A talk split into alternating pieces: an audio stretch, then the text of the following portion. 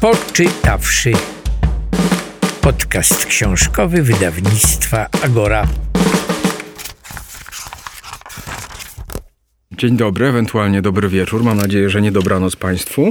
To podcast Poczytawszy, wydawnictwa Agora. Ja nazywam się Paweł Goźliński, a mam przyjemność dzisiaj rozmawiać z Michałem Nogasiem, autorem książki z niejednej półki. Dzień dobry albo dobry wieczór. To Michał jest tutaj e, w tym duecie specjalistą od e, rozmów. Jest e, absolutnie uniwersalnym dziennikarzem, który i pisze, i jest mistrzem radiowej rozmowy. Świetnie sobie radzi w robieniu podcastu, więc właściwie powinniśmy się natychmiast zamienić miejscami. I właściwie to zróbmy. Michale drogi, gdybyś to ty prowadził ten, e, tą rozmowę, to jakie pierwsze pytanie zadałbyś autorowi książki z niejednej półki? Radio milczenia nie lubi. Ty to dobrze wiesz. Zastanawiam się nad tym, jakie to by mogło być pytanie. Może czy zdawałeś sobie sprawę z tego, z iloma fajnymi osobami udało ci się porozmawiać w życiu? Ta książka ci pomogła zrozumieć, jak wieloma? Tak, naprawdę. Te wywiady, które ukazywały się w formie pisanej w różnych miejscach, od y, Gazety Wyborczej przez książki, magazyn do czytania, po Wysokie Obcasy, czy Wysokie Obcasy Ekstra, no one tak ulegały rozproszeniu. Nawet niechcący albo nieświadomie. To znaczy, zwykle jest tak, sam pewnie to jako osoba, która też ma dużo wspólnego z dziennikarstwem, wiesz, że pracujesz nad jedną rzeczą, po czym ją oddajesz, jesteś już w kolejnej i zapominasz w jakimś sensie o tym, co się wydarzyło trzy dni temu, bo teraz pochłania cię kolejna sprawa, nad którą się pochylasz. I oczywiście miałem w pamięci te wszystkie spotkania i te wszystkie rozmowy i pewnie nawet, może nie w pamięci, ale gdzieś w świadomości głębiej miejsca i daty tych spotkań, ale kiedy zaczynaliśmy pracę nad tą książką, to się złapałem za głowę, ile tego było w ostatnich latach. To naprawdę unik, y, umyka, kiedy się człowiek próbuje tak y, skupić na chwilę, to dopiero wtedy do niego dociera, w jak wielu miejscach był, z jak wieloma świetnymi osobami rozmawiał. Więc odpowiadając na swoje pytanie, powiem, że nie spodziewałem się i nie miałem tej świadomości. Teraz już mam. Co ciekawe, i chyba to jest rodzaj cudu. Właśnie biorąc pod uwagę taką redakcyjną bieżączkę, to, że przeskakujemy z osoby na osobę, z tematu na temat, to jednak jest w tej książce pewna ciągłość. Być może wynika ona z tego, co napisałeś we wstępie, że pisarze to jednak zwierzęta szczególne. Myślę, że takim wspólnym elementem tych rozmów jest to, że rzeczywiście są swoiście sejsmograficznie. Ci autorzy są wyczuleni na to, co się dzieje. Ale to chyba również jest twój background, bo jakby nie wszyscy pamiętają, że ty jesteś wcale nie żadnym dziennikarzem z wykształcenia, tylko jednak politologiem. To prawda. I e, jak szedłem na studia, a miałem taką możliwość, że mogłem sobie wybrać kierunek studiów, który chciałbym potem przez pięć lat jakoś uskuteczniać w życiu, to doszedłem do wniosku, że nie pójdę na dziennikarstwo, bo albo się ma to w sobie, albo się nie ma. Myślę o tym bakcylu. A ponieważ zawsze interesowałem się światem i to też w dużej mierze wynikało z e, ogromnej liczby książek non-fiction, które czytałem już jako dziecko i potem jako dorastający facet, to myślałem sobie, że chciałbym pójść na studia, które chociaż trochę pomogą mi zrozumieć mechanizmy, którymi świat się kieruje, albo mechanizmy władzy, które są stosowane, żeby, żeby tę władzę utrzymać, no a ludzie, tacy prości obywatele jak my, musimy się temu wszystkiemu podporządkować. Więc poszedłem na nauki polityczne, ale nie podejrzewałem siebie o to, bo wszyscy pytali, jakim ty będziesz po tych studiach politykiem, bo to się tak kojarzy. Nie, że osoba, która bada politykę, tylko że polityk. A gdyby były tak studia dla polityków, jak to wszystko uprawiać, to byłoby wspaniałe. A w każdym razie wykorzystałem te studia też na zgłębianie wiedzy na wiele różnych tematów, które mnie interesują, dotyczących współczesnego świata. I może to widać z tych wywiadów, a może nie. Myślę, że jednak tak. Mówię, myślę, że jednak tak, bo wolałbym, żeby o tym nie trzeba było rozmawiać. Że strasznie mnie pochłonęły takie studia nad złem w różnych miejscach świata, w różnych y, momentach naszych dziejów ale właściwie chyba to zło najbliższe i to najbliższe, jeżeli chodzi o teren, o geografię i o czas, czyli o, o, o naszą współczesność, stały się dla mnie najciekawsze i też najbardziej przerażające, bo uświadomiłem sobie, kiedy kończyłem te studia i musiałem napisać pracę magisterską jak wszyscy, a byłem akurat wtedy na studiach w Holandii, na, na wymianie na Erasmusie, że w 95 roku, kiedy miałem lat 17, to pewnie byliśmy gdzieś z przyjaciółmi na jakichś fajnych wakacjach, pijąc nielegalnie jeszcze piwo i paląc papierosy nielegalnie, robiąc różne dziwne rzeczy nielegalnie albo już legalnie, a niecały tysiąc kilometrów od mojego domu ludzie ginęli, jak mrówki, i rozgrywało się piekło. Myślę o wojnie, o, o rozpadzie Jugosławii w tym konkretnym momencie. I postanowiłem się temu bliżej przyjrzeć wtedy i napisać pracę, a ponieważ byłem w Holandii na studiach, to wtedy w porównaniu z Polską, to był rok 2000, była ogromna literatura na ten temat, literatura tematu, to po prostu siedziałem dniami i nocami w każdej wolnej chwili wolnej od imprez na wyjazdach Erasmusowych i czytałem. I napisałem potem pracę o rozpadzie Jugosławii, o powstawaniu i rozpadach kolejnych Jugosławii, bo przecież to nie tylko ta ostatnia w połowie lat 90. się rozpadła. No i zrozumiałem, że to jest coś, co mnie chyba najbardziej interesuje w życiu. To znaczy, dlaczego zło ciągle wygrywa? Dlaczego uważasz, że pisarze do tej twojej wiedzy e, akademickiej mogą coś e, dodać? Już zostawmy ten sejsmograf. Mhm. Powiedz, Myślę... co ci powiedzieli takiego, że, że, że to uzupełniło twoją wiedzę lub wrażliwość? Myślę, że ich umiejętność nazywania pewnych rzeczy i pomoc, której mi udzielili, rozmawiając ze mną, w ułożeniu sobie pewnych rzeczy w głowie, a często niestety w takim przyklepaniu tego, co już wiedziałem, co jest z jednej strony miłe, dlatego że człowiek może mieć wrażenie, że się nie myli, a z drugiej strony przerażające, jednakże dość trafnie diagnozuje pewne sytuacje. Mm, no ja myślę, że to wszystko wynika z tego, że oni po prostu bardzo dokładnie śledzą różne procesy, które zachodzą na przestrzeni dziejów. Także dlatego, że przecież, żeby cokolwiek napisać, cokolwiek z siebie wydobyć, muszą te wyobraźnie pobudzić właśnie lekturą wielu rzeczy. I to są teksty z przeszłości, i teksty współczesne, i filmy, i doniesienia prasowe. No i patrzą na to wszystko, na to, co człowiek potrafi człowiekowi zrobić. I oczywiście jest dużo takich książek, które nie poruszają tych najbardziej fundamentalnych tematów, stają się lekturą lekką, łatwą i przyjemną, potem sięgam raczej rzadko. Natomiast oni tutaj, wszyscy, mówią jak jeden mąż i jedna żona, że świat w tym okresie, w którym ja z nimi rozmawiałem, to się tak dziwnie albo nie zbiegło z czasami prezydentury Donalda Trumpa, która szczęśliwie się kończy. To jest świat, który stanął na krawędzi to z wielu powodów. Dlatego, że zostały obudzone najgorsze demony. I to oczywiście przypomina wydarzenia sprzed 70, 80, 100 i nawet więcej lat, kiedy uruchamiano pewne procesy, świadomie lub nie, które doprowadziły do konkretnego końca.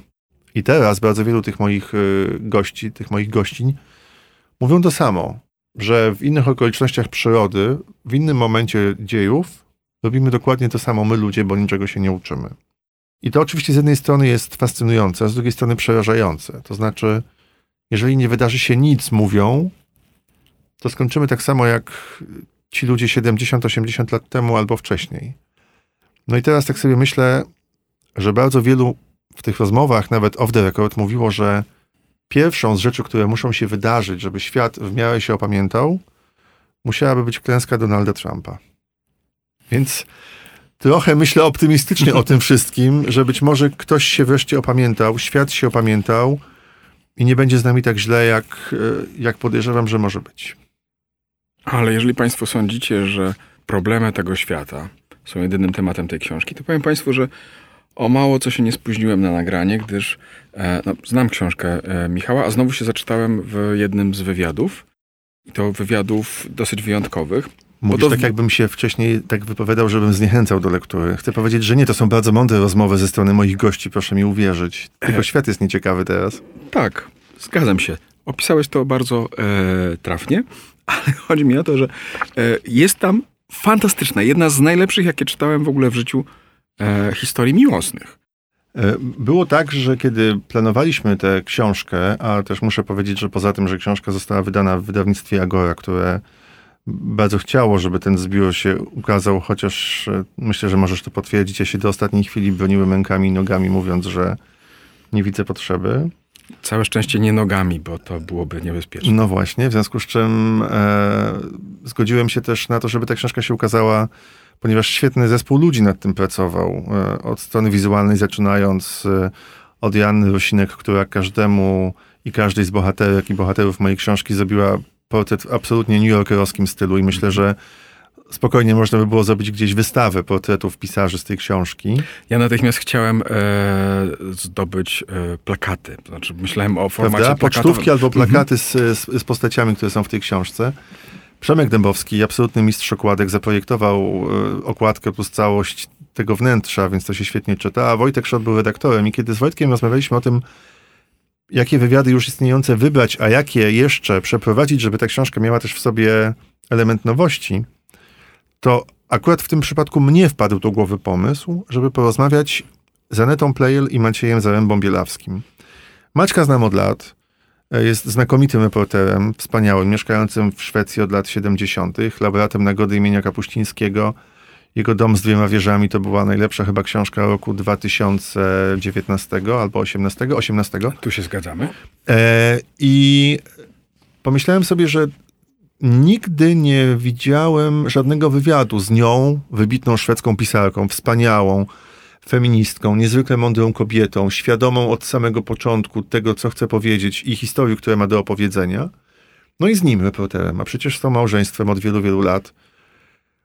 No więc zapisałem do Maćka list z pytaniem, czy oni by się zgodzili i wiem, że pewnie to będzie kolejna rozmowa już wszystko opowiedzieli, ale że ja bym może do tego Sztokholmu przyleciał, to było jeszcze przed pandemią i bym z nimi chwilę porozmawiał. I okazało się, że nikt nigdy z nimi nie zrobił wspólnego wywiadu. Nie wiem skąd się to wzięło, dlaczego nikt w Szwecji na ten pomysł nie wpadł. Myślę, że oni są tak silnymi osobowościami, że po prostu ktoś mógł się bać zderzenia z Anetą i Maćkiem. No ja się odważyłem, poleciałem do Sztokholmu, kupiłem najtańszy bilet. Maciej odebrał mnie z lotniska tego położonego 100 km od, od Sztokholmu. Tak się w sobie już zbierałem do tej rozmowy, ale jeszcze chwilę wolnego mi dał, więc poszliśmy do Muzeum Nobla. Już widziałem te pierwsze pamiątki, bibeloty związane z Olgą Tokarczuk. A potem mnie zainstalował w swojej pracowni, którą ma niedaleko mieszkanie i powiedział, to tutaj się dzisiaj prześpi, jutro sobie jeszcze odpoczniemy i wieczorem przy okazji obiadu porozmawiamy. No więc umówiliśmy się na rozmowę o nich, o ich wspólnym życiu, o pisaniu, o, o tym, jak światy ich pisarskie się przenikają albo nie. Przyszedłem do nich do domu. W kuchni stoi piękny kwiat przywieziony z Egiptu przez Selmę Lagerlof, która dawała kolejne zaszczepki swoim bliskim i dalszym znajomym i w ten sposób jedna z nich dotarła do Anety Plejel. Zjedliśmy i zaczęliśmy rozmawiać. Plan był taki, że ja będę zadawał pytania po polsku, Maciek będzie odpowiadał po polsku, pytania do Anety będzie zadawał po szwedzku, potem tłumaczył. Okazało się bardzo szybko, że to się nie uda, ponieważ ona nie jest w stanie wytrzymać tego napięcia, o co chodzi, o czym my rozmawiamy. Przeszliśmy na angielski i już się potoczyła ta nasza rozmowa bardzo płynnie po angielsku. Zaczyna się od pytania, kto kogo wypatrzył, kto kogo wyhaczył, mówiąc młodzieżowym językiem. No i zaczęło się. Cała ta opowieść o o młodym chłopaku, który wyjechał z matką i z bratem z Polski po marcu 68 roku. Pracował tam jako e, robotnik, pracownik fizyczny, siedział w kabinie dźwigu budowlanego, czytał książki. Nagle poszedł na jakieś zebranie polityczno-partyjne i zobaczył na scenie piękną, wybitnie inteligentną kobietę. A potem zaczął się jakoś pojawiać w jej kręgu, aż pojechał na, popłynął na wyspę na archipelagu sztokholmskim, która należała do takiej komuny lewicującej, w skład której to komuny wchodziła Aneta Pleil. No i potem los sprawił, że jak już miał wracać do Sztokholmu, to się okazało, że źle ustawił semafor na pomoście pewnej wyspy, do której przybijał prom, żeby popłynął do miasta, więc wrócił. Zaczęli rozmawiać, opowiedzieli sobie swoje życie nawzajem, płakali całą noc. Poczekaj, poczekaj. A co było potem? Państwo przeczytacie. No są małżeństwem, no to jest taka tak. prawda, ale jak do tego doszło i, i jak się ten związek niesamowicie rozwijał, w tle jest opowieść o karnawale Solidarności, o spotkaniu Herberta, o wspólnym tłumaczeniu jego wierszy. No, wspaniała historia. Wszystko zaraz zdradzisz. A Nie. przecież chodzi o to, żeby państwo sięgnęli po twoją książkę. Wiesz, ja myślę, że to w ogóle te spotkania twoje z pisarzami się pięknie przeplatają i pięknie jedne z drugich y, wynikają. Bo w jakiś sposób na przykład właśnie ta twoja rozmowa e, z Agnieszką Plejel, jak pięknie mówi o niej Tak. e, mąż, e, i z Maciejem Bielawskim, niejako jest odpowiedzią na ostatni temat twojej rozmowy z Polem Osterem. Bo pytasz go o jego relację z Siri Hustvedt, jego Mhm. żoną, i o wzajemne bycie trochę w cieniu, trochę problematyczne kwestie wynikające z związku dwojga wybitnych pisarzy. Ja uwielbiam obydwoje. To prawda. E, Ale więc- w Polsce e, Mhm. do tej pory zwykle mówiło się o niej jako żona Pola Ostera, prawda? Więc e, w pewnym momencie chyba to się zmieniło i teraz już się mówi albo o nich osobno, albo wręcz o nim jako o mężu Siri Hustvedt, więc przyszedł ten moment równouprawnienia. No oni są wspaniałym małżeństwem, cudowna jest ta relacja. Byłem u nich w domu no, na Brooklynie e, dwa albo trzy razy, nie pamiętam już w tej chwili. A mogę powiedzieć ane- anegdotę, której nie ma w książce. Raz to gdzieś zdradziłem, ale przypomniała mi się ostatnio. Koniecznie. Otóż, kiedy byłem po raz pierwszy na Brooklynie, niedaleko Brooklyn Plaza i Prospect Parku, tam gdzie mieszkają właśnie e, Siri Hustvedt i Paul Oster, wtedy jeszcze pracowałem w radiu, więc tej części wywiadu nie ma w tej książce. To był taki bardzo ruchliwy dzień. E, Nowy Jork zakorkowany oczywiście. To było jakieś wczesne popołudnie. Bardzo się zagadaliśmy. Oster jest bardzo zainteresowanym światem człowiekiem. Ma w Polsce przyjaciół, wiele go rzeczy interesowało, interesował go świat, polityka, wiadomo, był szefem pen klubu w Ameryce. No, było o czym rozmawiać też poza literaturą. A to jeszcze akurat było przy okazji tego, kiedy się ukazywały w Polsce między innymi jego listy pisane z Kucim, Mhm. więc dodatkowy, dodatkowo ciekawy aspekt pisania listów. No i ta rozmowa się przeciągnęła, mieliśmy gadać godzinę, rozmawialiśmy ponad dwie i pół i nagle staje przed nami pięknie ubrana, z makijażem na twarzy, z pięknymi koralami Siri Hustvedt i mówi, słuchaj, to już czas. Okazało się, że tego dnia on na Manhattanie, czyli po drugiej stronie East River, a miasto zakorkowane, miał prowadzić spotkanie autorskie wokół książki Siri Hustvedt. Ojej. No więc, ale ponieważ główna część wywiadu była zrobiona, to były takie dogaduszki, jakieś tam historie, anegdoty, to on mówi tak, słuchaj, no to ja tak pójdę jak jestem, bo jestem w marynarce i tak dalej, tu masz klucze, spakuj się, my uciekniemy, a ty po prostu zabierz swoje rzeczy, wrzuć ten klucz do skrzynki przed wejściem i jak będziesz chciał, to sobie iść. Jak nie chcesz, to zrób sobie jeszcze kawę, spokojnie. I w ogóle nagle się zorientowałem, jaki jest poziom zaufania tych ludzi, pierwszy raz widzących mnie, dziennikarza z Polski, w swoim życiu, że zostawiają mi swój dom z pięknymi przedmiotami w środku. Właściwie, no gdybym chciał, to mógłbym się gdzieś wedrzeć do ich pracowni. Ona ma, o ile pamiętam, na górze, on na dole, tak bardziej w piwnicy. Nie wiem, zabrać te, te wszystkie e, próbki literackie, coś z tym zrobić, a oni po prostu mi zaufali, zawierzyli, więc spakowałem się grzecznie, wyszedłem po cichu na paluszkach, wrzuciłem klucz do skrzynki i, i wróciłem na Manhattan, ale teraz przypomniała mi się ta anegdota, bo tak sobie myślę o tym, jacy to czasem są wspaniali ludzie, którzy wiedzą, że przyjeżdżasz z dobrymi intencjami, długo z nimi rozmawiasz, jakoś ich kupujesz w cudzysłowie, albo zdobywasz ich zaufanie, wiedzą, że ich nie oszukasz i nagle zostawiają ci dom pod opieką. Fantastyczne. E, ale Tom, opasły Tom, No. ile ma stron? 900? Nie, no niecałe 700. Oj, redaktor, naprawdę. No. Okej. Ale otwiera go e, właściwie... 900 to może mieć drugi, jak zamówisz, ale wiadomo, że nie zamówisz. Wiadomo, że zamówię. O tym chciałem za chwilę porozmawiać. Poczekaj, poczekaj, nie psuj mi scenariusza. Chciałem e, cię spytać o wywiad, którego nie mogło być. Mhm. O pomysł i realizację projektu pod tytułem Podążając za Alice Munro. Od zawsze mi się to marzyło, żeby zrobić wywiad z Alice Munro. Ja jestem ogromnym fanem jej opowiadań i bardzo mnie ucieszył Nobel w 2013 roku dla niej, bo jakoś uważam, że ona wspaniale potrafi w opowiadaniu o ludziach, nawet w konkretnym geście, oddać człowieczeństwo. To się mało komu zdarza. Zresztą nazywana jest kanadyjskim Czechowym, co myślę z kolei tobie jest bliskie, jako osobie, której literatura rosyjska jest bardzo bliska. No i taki był pomysł, z kilkoma osobami rozmawiałem, między innymi z e, bardzo mi bliską i zaufaną osobą, czyli Ewą Wieczorek, e, naczelną Wysokich Obcasów Ekstra. No mówię, jak słuchaj, to jest świetny pomysł, zdobądź na to pieniądze i rób to. Chodziło o to, żeby dotrzeć do Alice Munro, która w roku 2013, kiedy zdobyła Nobla, otrzymała Nobla, odcięła się od świata. Uciekła przed światem. Złamała pióro, przestała publikować, nie udzielała wywiadów.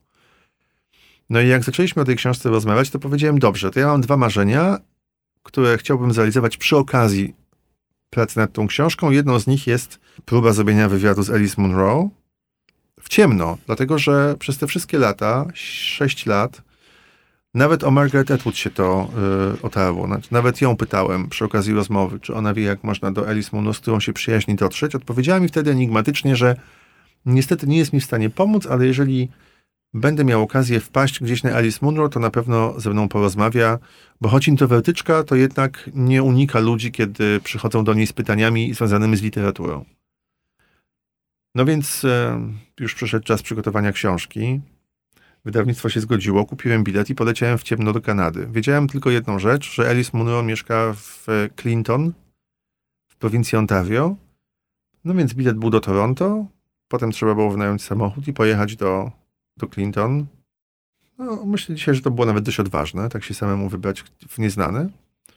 Ale pojechałem do tego Clinton. Okazało się zresztą wcześniej, że nawet tak wspaniałe wydawnictwo jak Agora nie ma w swoim budżecie takich pieniędzy, żeby w jakimś wiktoriańskim hotelu ulokować na kilka nocy dziennikarza z Polski.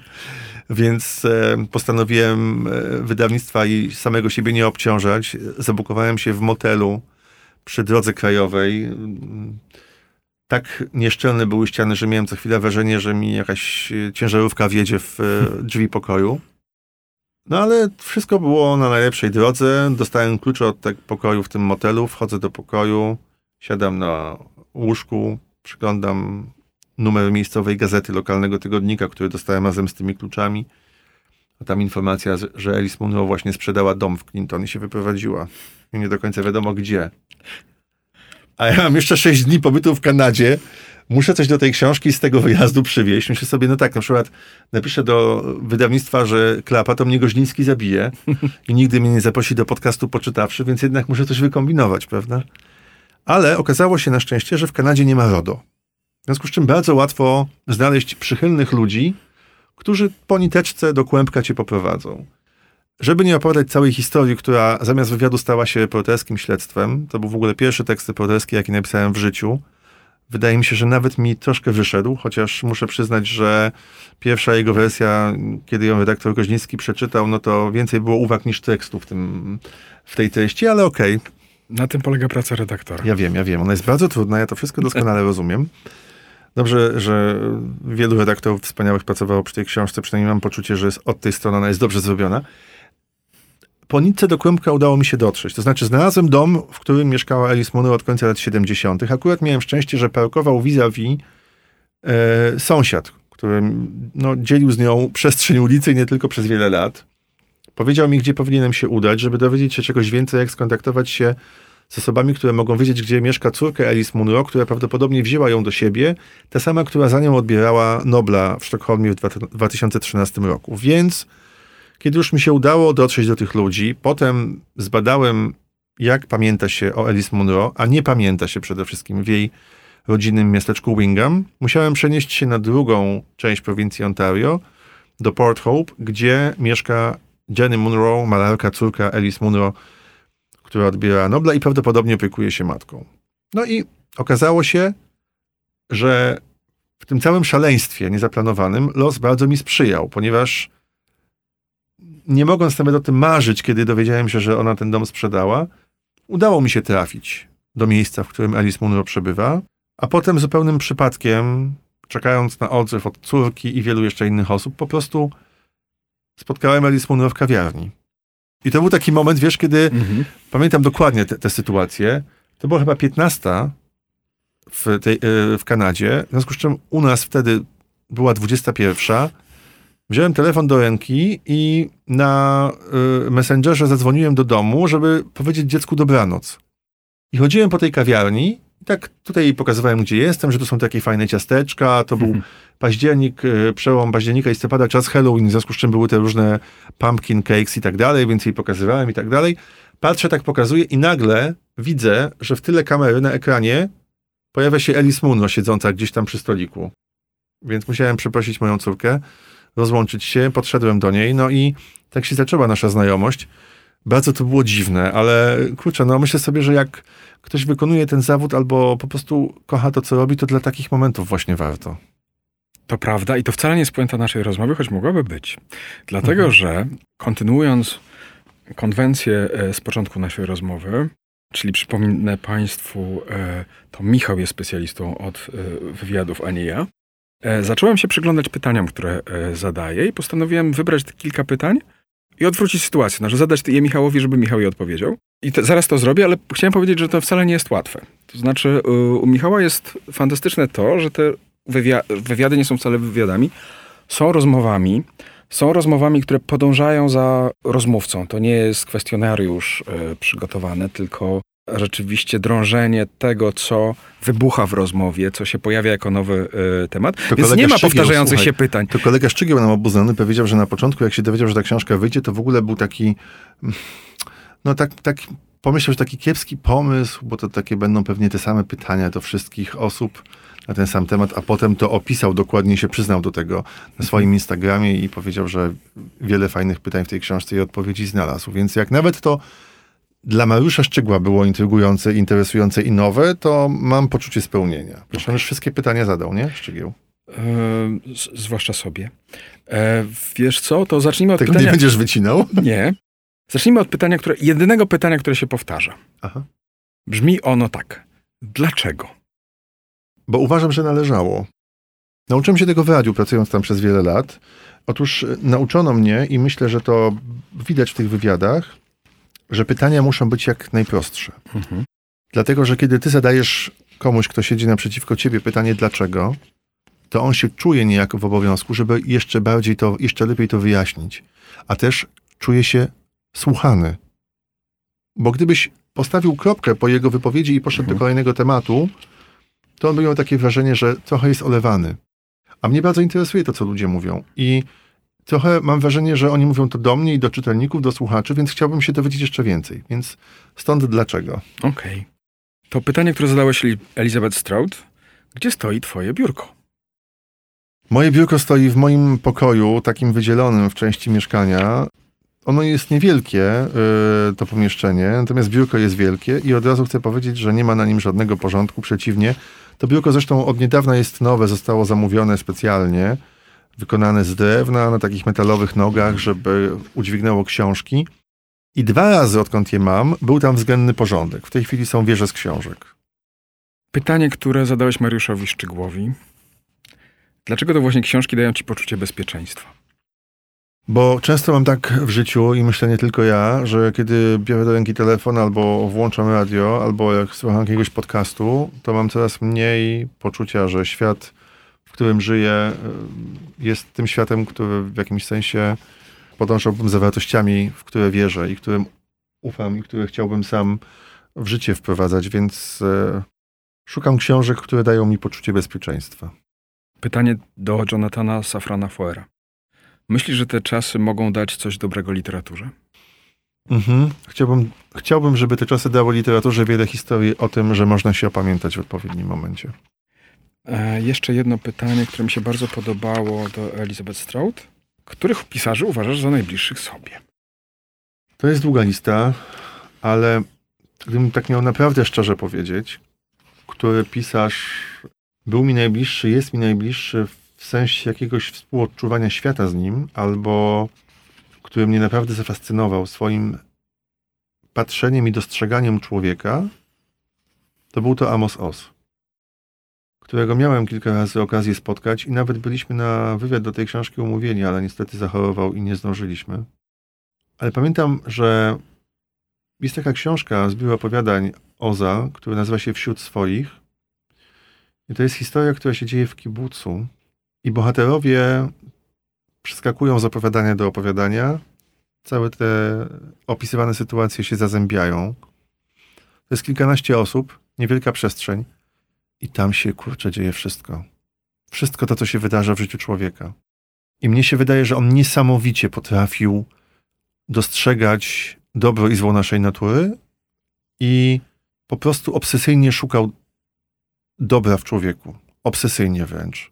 Żyjąc na takim, a nie innym kawałku ziemi. Zresztą to Os mi powiedział kiedyś w rozmowie, że najbardziej uniwersalne jest to, co jest lokalne.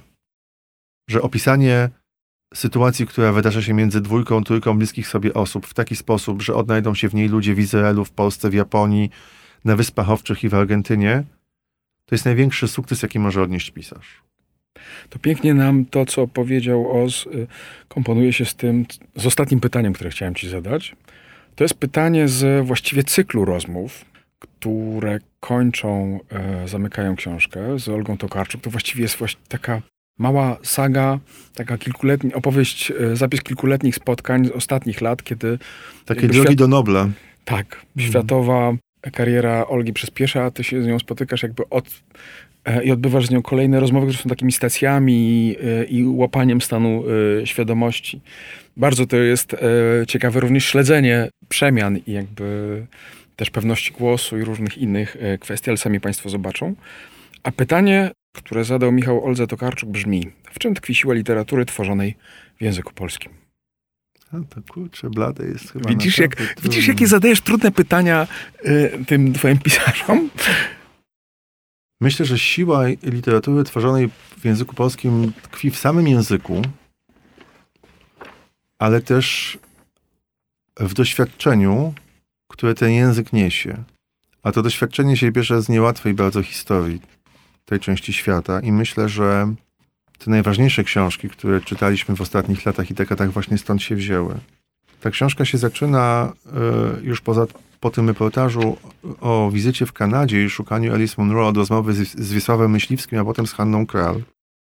I oni musieli znaleźć język, przecież Paweł, żeby opowiedzieć świat odbudowywany na gruzach. A potem przyszli młodsi, którzy opisywali już ten świat, który się zmieniał na naszych oczach. Niełatwy czas transformacji, bardzo, aż po tych najmłodszych w książce. W przypadku osób z Polski to są dwie dziewczyny, czyli Dorota Masłowska i Małgosia Reimer. Tak, One mają język niesamowity, jeżeli chodzi o sposób pisania, opowiadania świata. Każda oczywiście zupełnie inny. I gdyby się przyjrzeć i zestawić twórczość Myśliwskiego czy Kral z twórczością właśnie ich obu, czy też Mariusza Szczegła, to to już są zupełnie inne doświadczenia. Ale język jest tak samo piękny. I znów, mogłaby być to pięk, piękna puenta, a ja jeszcze chcę Państwu coś powiedzieć. Pięknie różne projekty, różne książki ze sobą e, rozmawiają, siebie zapowiadają. Margaret Atwood e, w Twojej książce, rozmawiając z Tobą, mówi o pewnym ważnym, choć kontrowersyjnym bohaterze naszych czasów.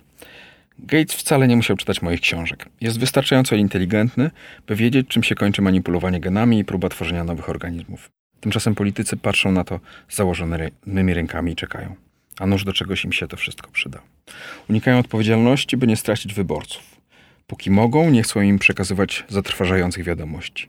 Spychają odpowiedzialność na swoich następców. Dlatego tak bardzo potrzebują dziś takich ludzi jak Bill Gates. Chciałem Państwu powiedzieć, że w naszym wydawnictwie już e, w lutym ukaże się książka Billa Gatesa e, Jak uratować świat przed katastrofą klimatyczną. Jest to książka rzeczywiście rewelacyjna, bo nie, zupełnie niekonkutatorska i zupełnie e, wyjątkowa, bo nie diagnozująca katastrofę, ale odpowiadająca, jak ją uniknąć. Bardzo konkretnie. Mam I nadzieję, chyba- że Bleba napisze Edyta Górniak. E, haha. Mam nadzieję, że Blerba już właściwie napisała Margaret Atwood. Bardzo, dziękuję, ty szpryciarzu. e, bardzo dziękuję Michałowi Nogasiowi, bardzo dziękuję mu za jego rozmowy, jego książkę. To był podcast Poczytawszy wydawnictwa Agora. Paweł Goźliński, dziękuję Państwu Dziękuję bardzo. za uwagę. Poczytawszy. Podcast książkowy wydawnictwa Agora.